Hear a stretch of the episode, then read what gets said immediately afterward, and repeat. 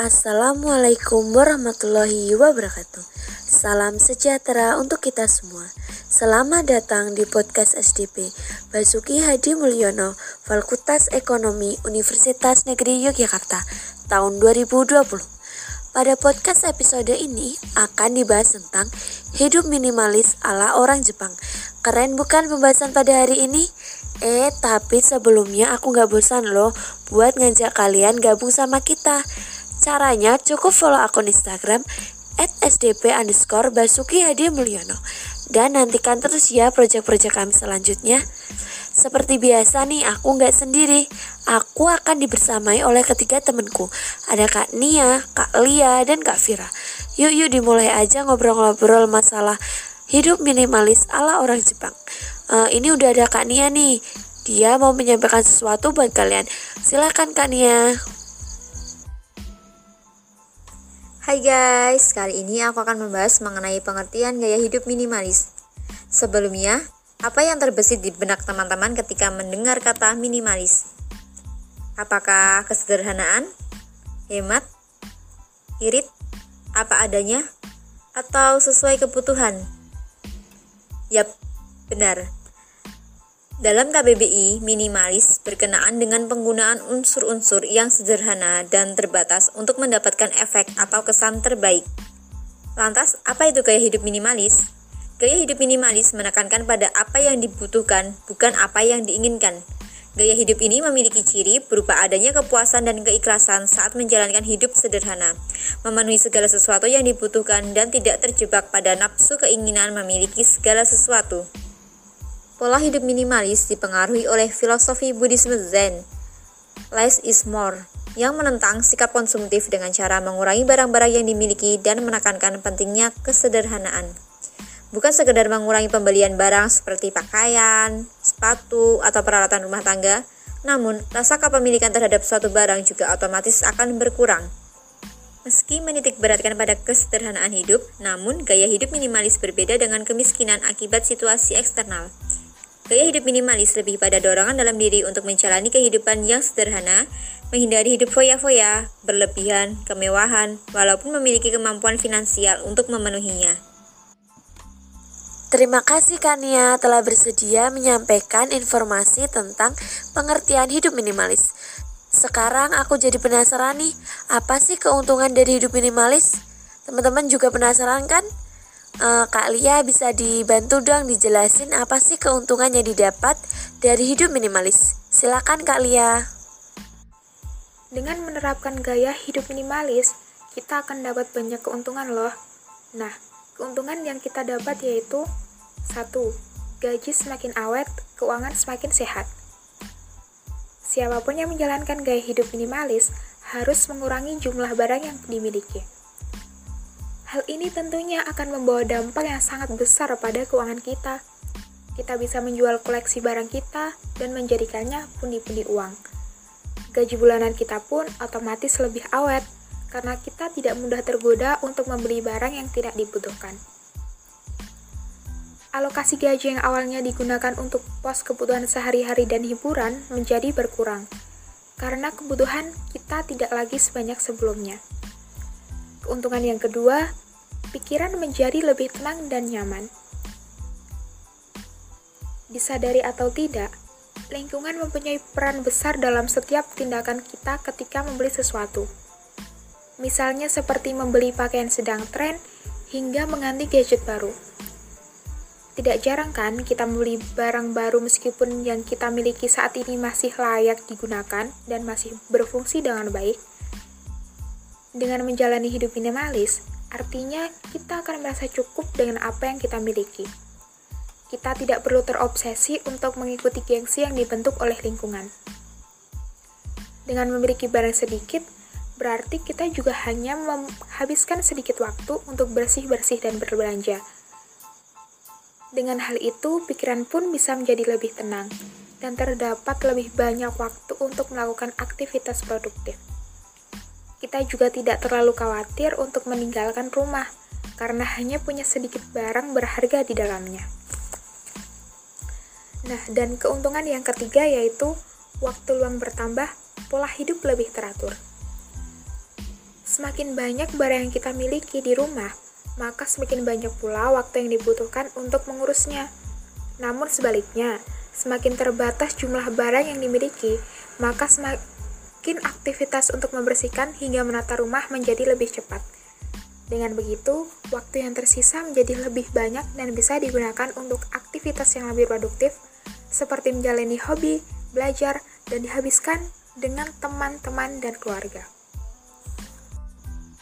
Terima kasih Kalia telah bersedia menyampaikan informasi tentang keuntungan hidup minimalis. Sekarang aku jadi tahu nih apa keuntungan yang didapat dari hidup minimalis. Untuk selanjutnya aku sama Kak Vira mau menyampaikan nih tips-tips hidup minimalis ala orang Jepang. Untuk tips yang pertama akan disampaikan oleh Kak Vira. Silakan Kak Vira. Pada kesempatan kali ini, saya akan memberikan tips kepada teman-teman bagaimana caranya gaya hidup minimalis Jepang ala Fumio Sasaki. Pertama, ubah pola pikir.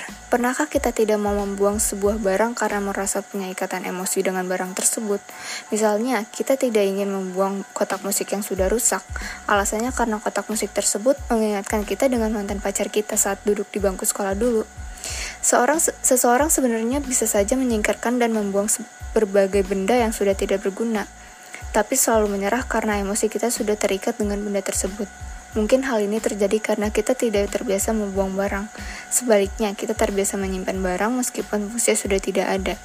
Mulai sekarang, ubah kebiasaan tersebut dan buang jauh-jauh pemikiran bahwa kita tidak, tidak mampu membuang barang. Kedua, terampil membuang barang. Gaya hidup minimalis Jepang yang diajarkan oleh Fumio Sasaki tidak sekadar membuang, membuang, dan membuang barang, tetapi kita juga diajarkan untuk berpikir kreatif. Kira-kira akan kita apakan barang-barang yang sudah berguna itu ya? Apakah dijual ke tukang rongsok atau diberikan kepada tetangga yang memang membutuhkan barang tersebut? Karena mem karena membuang barang adalah sebuah keterampilan. Sama seperti saat kita menyimpan barang. 3. Renungkan diri. Kembali lagi ke poin pertama di mana kita merasa kesulitan membuang barang karena adanya ikatan secara emosional. Hal ini butuh direnungkan. Coba cari penyebabnya. Mengapa kita sulit membuang barang? Karena yang paling tahu tentang kita adalah diri kita sendiri. Nah, setelah kita menemukan jawaban yang tepat, segera cari solusi untuk menyelesaikannya. 4. Minimalisasi bukan hal mustahil. Tips gaya hidup minimalis Jepang ala Fumio Sasaki yang berikutnya adalah dengan percaya bahwa minimalisasi bukan hal yang mustahil. Memutuskan untuk hidup minimalis memang tidak mudah, apalagi kalau kita hidup di tengah lingkungan dengan gaya hidup yang mewah. Kalau kita benar-benar ingin menerapkan prinsip hidup minimalis, jadikan keinginan tersebut sebagai prioritas utama kita saat ini. Tidak ada yang mustahil jika kita tidak jika kita yakin dan konsisten adalah coba buang satu barang. Nah, sekarang coba buang satu barang yang jelas-jelas tidak terpakai di dalam lemarimu. Misalnya nih, kotak sepatu yang sudah kamu simpan bertahun-tahun. Kreativitas sangat dibutuhkan loh saat membuang barang. Kamu harus tahu mana barang yang patut dipertahankan dan mana barang yang harus disingkirkan. Lakukan cara ini dimulai dari membuang barang kecil atau barang yang sudah jelas-jelas adalah sampah. Keenam adalah Hindari barang-barang kembar. Misalnya nih, kamu punya sepatu dari berbagai merek ternama. Padahal desain, bentuk, dan warnanya tidak beda jauh satu sama lain. Tapi mengapa kamu beli semua? Apakah karena kepuasan batin? Atau memang gemar mengoleksi sepatu? Sayangnya, kebiasaan seperti ini tidak berlaku di gaya hidup minimalis Jepang. Kurangi barang-barang kembar yang kamu miliki ya. Tidak perlu terburu-buru kok, karena kamu juga harus mempertimbangkan kan ke mana barang tersebut akan kamu singkirkan. Tips yang terakhir adalah tidak ada yang perlu disesali.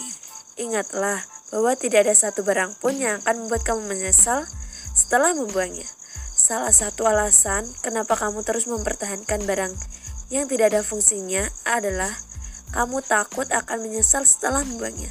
Pikirkan apakah barang tersebut akan kamu gunakan sampai beberapa tahun ke depan. Jika tidak, inilah saat yang tepat untuk membuang barang yang sudah tidak berguna. Semoga kamu bisa menerapkan tips-tips tadi ya demi mencapai kekosongan untuk kehidupan yang jauh lebih baik. Karena apa? Kekosongan merupakan momen yang pas untuk mengapresiasi hal yang jauh lebih penting. kamu jadi lebih menghargai sesuatu karena setiap benda yang kamu punya saat ini memiliki makna dan fungsinya masing-masing. Dan semoga ilmu yang telah diberikan Kak Nia, Kak Vira, Kak Lia, dan aku bisa bermanfaat ya bagi kalian. Untuk yang terakhir, aku akan terus mengajak kalian buat gabung sama kita. Caranya cukup follow akun Instagram at sdp underscore Basuki Hadi Mulyono. Dan jangan lupa ya, tunggu proyek-proyek kami selanjutnya. Sampai jumpa di lain waktu. Dah.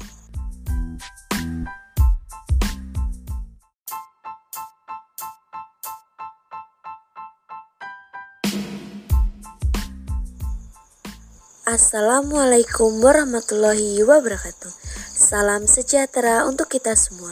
Selamat datang di podcast SDP Basuki Hadi Mulyono, Fakultas Ekonomi Universitas Negeri Yogyakarta, tahun 2020. Pada podcast episode ini akan dibahas tentang hidup minimalis ala orang Jepang. Keren bukan pembahasan pada hari ini? Eh, tapi sebelumnya aku gak bosan loh buat ngajak kalian gabung sama kita. Caranya cukup follow akun Instagram at sdp underscore Basuki Hadi Mulyono dan nantikan terus ya proyek-proyek kami selanjutnya. Seperti biasa nih, aku nggak sendiri. Aku akan dibersamai oleh ketiga temanku. Ada Kak Nia, Kak Lia, dan Kak Vira.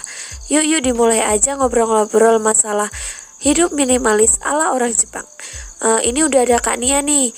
Dia mau menyampaikan sesuatu buat kalian. Silahkan Kak Nia. Hai guys, kali ini aku akan membahas mengenai pengertian gaya hidup minimalis. Sebelumnya, apa yang terbesit di benak teman-teman ketika mendengar kata minimalis?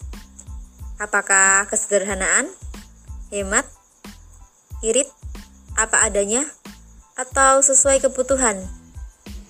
Yap, benar. Dalam KBBI, minimalis berkenaan dengan penggunaan unsur-unsur yang sederhana dan terbatas untuk mendapatkan efek atau kesan terbaik. Lantas, apa itu gaya hidup minimalis? Gaya hidup minimalis menekankan pada apa yang dibutuhkan, bukan apa yang diinginkan. Gaya hidup ini memiliki ciri berupa adanya kepuasan dan keikhlasan saat menjalankan hidup sederhana, memenuhi segala sesuatu yang dibutuhkan dan tidak terjebak pada nafsu keinginan memiliki segala sesuatu. Pola hidup minimalis dipengaruhi oleh filosofi Buddhisme Zen, less is more, yang menentang sikap konsumtif dengan cara mengurangi barang-barang yang dimiliki dan menekankan pentingnya kesederhanaan.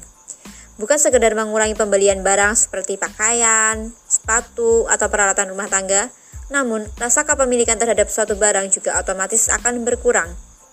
Meski menitik beratkan pada kesederhanaan hidup, namun gaya hidup minimalis berbeda dengan kemiskinan akibat situasi eksternal.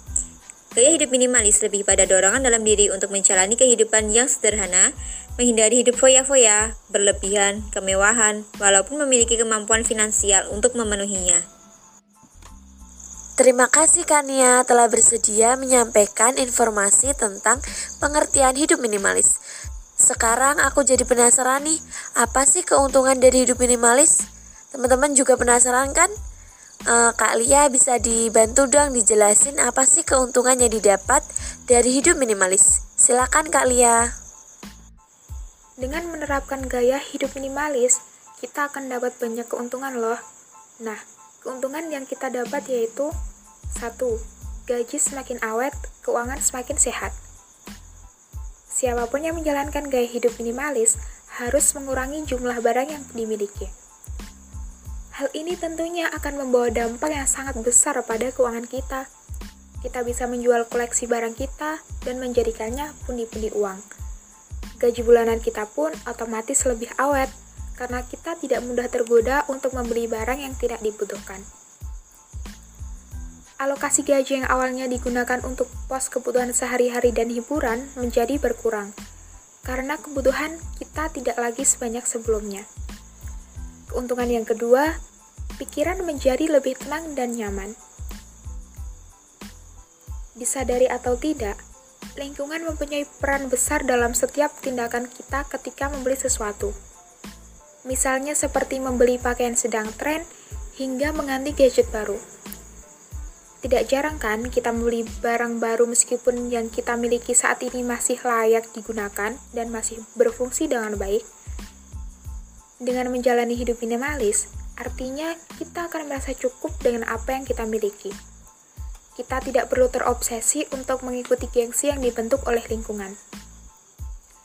Dengan memiliki barang sedikit, berarti kita juga hanya menghabiskan sedikit waktu untuk bersih-bersih dan berbelanja. Dengan hal itu, pikiran pun bisa menjadi lebih tenang dan terdapat lebih banyak waktu untuk melakukan aktivitas produktif. Kita juga tidak terlalu khawatir untuk meninggalkan rumah karena hanya punya sedikit barang berharga di dalamnya. Nah, dan keuntungan yang ketiga yaitu waktu luang bertambah, pola hidup lebih teratur. Semakin banyak barang yang kita miliki di rumah, maka semakin banyak pula waktu yang dibutuhkan untuk mengurusnya. Namun sebaliknya, Semakin terbatas jumlah barang yang dimiliki, maka semakin aktivitas untuk membersihkan hingga menata rumah menjadi lebih cepat. Dengan begitu, waktu yang tersisa menjadi lebih banyak dan bisa digunakan untuk aktivitas yang lebih produktif, seperti menjalani hobi, belajar, dan dihabiskan dengan teman-teman dan keluarga. Terima kasih Kalia telah bersedia menyampaikan informasi tentang keuntungan hidup minimalis. Sekarang aku jadi tahu nih apa keuntungan yang didapat dari hidup minimalis. Untuk selanjutnya aku sama Kak Vira mau menyampaikan nih tips-tips hidup minimalis ala orang Jepang. Untuk tips yang pertama akan disampaikan oleh Kak Vira. Silakan Kak Vira. Pada kesempatan kali ini, saya akan memberikan tips kepada teman-teman bagaimana caranya gaya hidup minimalis Jepang ala Fumio Sasaki. Pertama, ubah pola pikir. Pernahkah kita tidak mau membuang sebuah barang karena merasa punya ikatan emosi dengan barang tersebut? Misalnya, kita tidak ingin membuang kotak musik yang sudah rusak. Alasannya karena kotak musik tersebut mengingatkan kita dengan mantan pacar kita saat duduk di bangku sekolah dulu. Seorang seseorang sebenarnya bisa saja menyingkirkan dan membuang berbagai benda yang sudah tidak berguna, tapi selalu menyerah karena emosi kita sudah terikat dengan benda tersebut. Mungkin hal ini terjadi karena kita tidak terbiasa membuang barang. Sebaliknya, kita terbiasa menyimpan barang meskipun fungsinya sudah tidak ada. Mulai sekarang, ubah kebiasaan tersebut dan buang jauh-jauh pemikiran bahwa kita tidak, tidak mampu membuang barang. Kedua, terampil membuang barang. Gaya hidup minimalis Jepang yang diajarkan oleh Fumio Sasaki tidak sekadar membuang, membuang, dan membuang barang, tetapi kita juga diajarkan untuk berpikir kreatif. Kira-kira akan kita apakan barang-barang yang sudah berguna itu ya? Apakah dijual ke tukang rongsok atau diberikan kepada tetangga yang memang membutuhkan barang tersebut karena mem karena membuang barang adalah sebuah keterampilan. Sama seperti saat kita menyimpan barang. 3. Renungkan diri. Kembali lagi ke poin pertama, di mana kita merasa kesulitan membuang barang karena adanya ikatan secara emosional. Hal ini butuh direnungkan. Coba cari penyebabnya. Mengapa kita sulit membuang barang? Karena yang paling tahu tentang kita adalah diri kita sendiri. Nah, setelah kita menemukan jawaban yang tepat, segera cari solusi untuk menyelesaikannya. 4. Minimalisasi bukan hal mustahil. Tips gaya hidup minimalis Jepang ala Fumio Sasaki yang berikutnya adalah dengan percaya bahwa minimalisasi bukan hal yang mustahil. Memutuskan untuk hidup minimalis memang tidak mudah, apalagi kalau kita hidup di tengah lingkungan dengan gaya hidup yang mewah. Kalau kita benar-benar ingin menerapkan prinsip hidup minimalis, jadikan keinginan tersebut sebagai prioritas utama kita saat ini. Tidak ada yang mustahil jika kita tidak jika kita yakin dan konsisten. adalah coba buang satu barang. Nah, sekarang coba buang satu barang yang jelas-jelas tidak terpakai di dalam lemarimu. Misalnya nih, kotak sepatu yang sudah kamu simpan bertahun-tahun. Kreativitas sangat dibutuhkan loh saat membuang barang. Kamu harus tahu mana barang yang patut dipertahankan dan mana barang yang harus disingkirkan. Lakukan cara ini dimulai dari membuang barang kecil atau barang yang sudah jelas-jelas adalah sampah. Keenam adalah hindari barang-barang kembar. Misalnya nih, kamu punya sepatu dari berbagai merek ternama. Padahal desain, bentuk, dan warnanya tidak beda jauh satu sama lain. Tapi mengapa kamu beli semua? Apakah karena kepuasan batin atau memang gemar mengoleksi sepatu? Sayangnya, kebiasaan seperti ini tidak berlaku di gaya hidup minimalis Jepang. Kurangi barang-barang kembar yang kamu miliki ya. Tidak perlu terburu-buru kok, karena kamu juga harus mempertimbangkan kan ke mana barang tersebut akan kamu singkirkan. tips yang terakhir adalah tidak ada yang perlu disesali. Ingatlah bahwa tidak ada satu barang pun yang akan membuat kamu menyesal setelah membuangnya. Salah satu alasan kenapa kamu terus mempertahankan barang yang tidak ada fungsinya adalah kamu takut akan menyesal setelah membuangnya. Pikirkan apakah barang tersebut akan kamu gunakan sampai beberapa tahun ke depan. Jika tidak, inilah saat yang tepat untuk membuang barang yang sudah tidak berguna. Semoga kamu bisa menerapkan tips-tips tadi ya demi mencapai kekosongan untuk kehidupan yang jauh lebih baik. Karena apa? Kekosongan merupakan momen yang pas untuk mengapresiasi hal yang jauh lebih penting. Kamu jadi lebih menghargai sesuatu karena setiap benda yang kamu punya saat ini memiliki makna dan fungsinya masing-masing. Dan semoga ilmu yang telah diberikan Kak Nia, Kak Vira, Kak Lia, dan aku bisa bermanfaat ya bagi kalian untuk yang terakhir, aku akan terus mengajak kalian buat gabung sama kita. Caranya cukup follow akun Instagram at sdp underscore Basuki Hadi Mulyono. Dan jangan lupa ya, tunggu proyek-proyek kami selanjutnya. Sampai jumpa di lain waktu. Dah.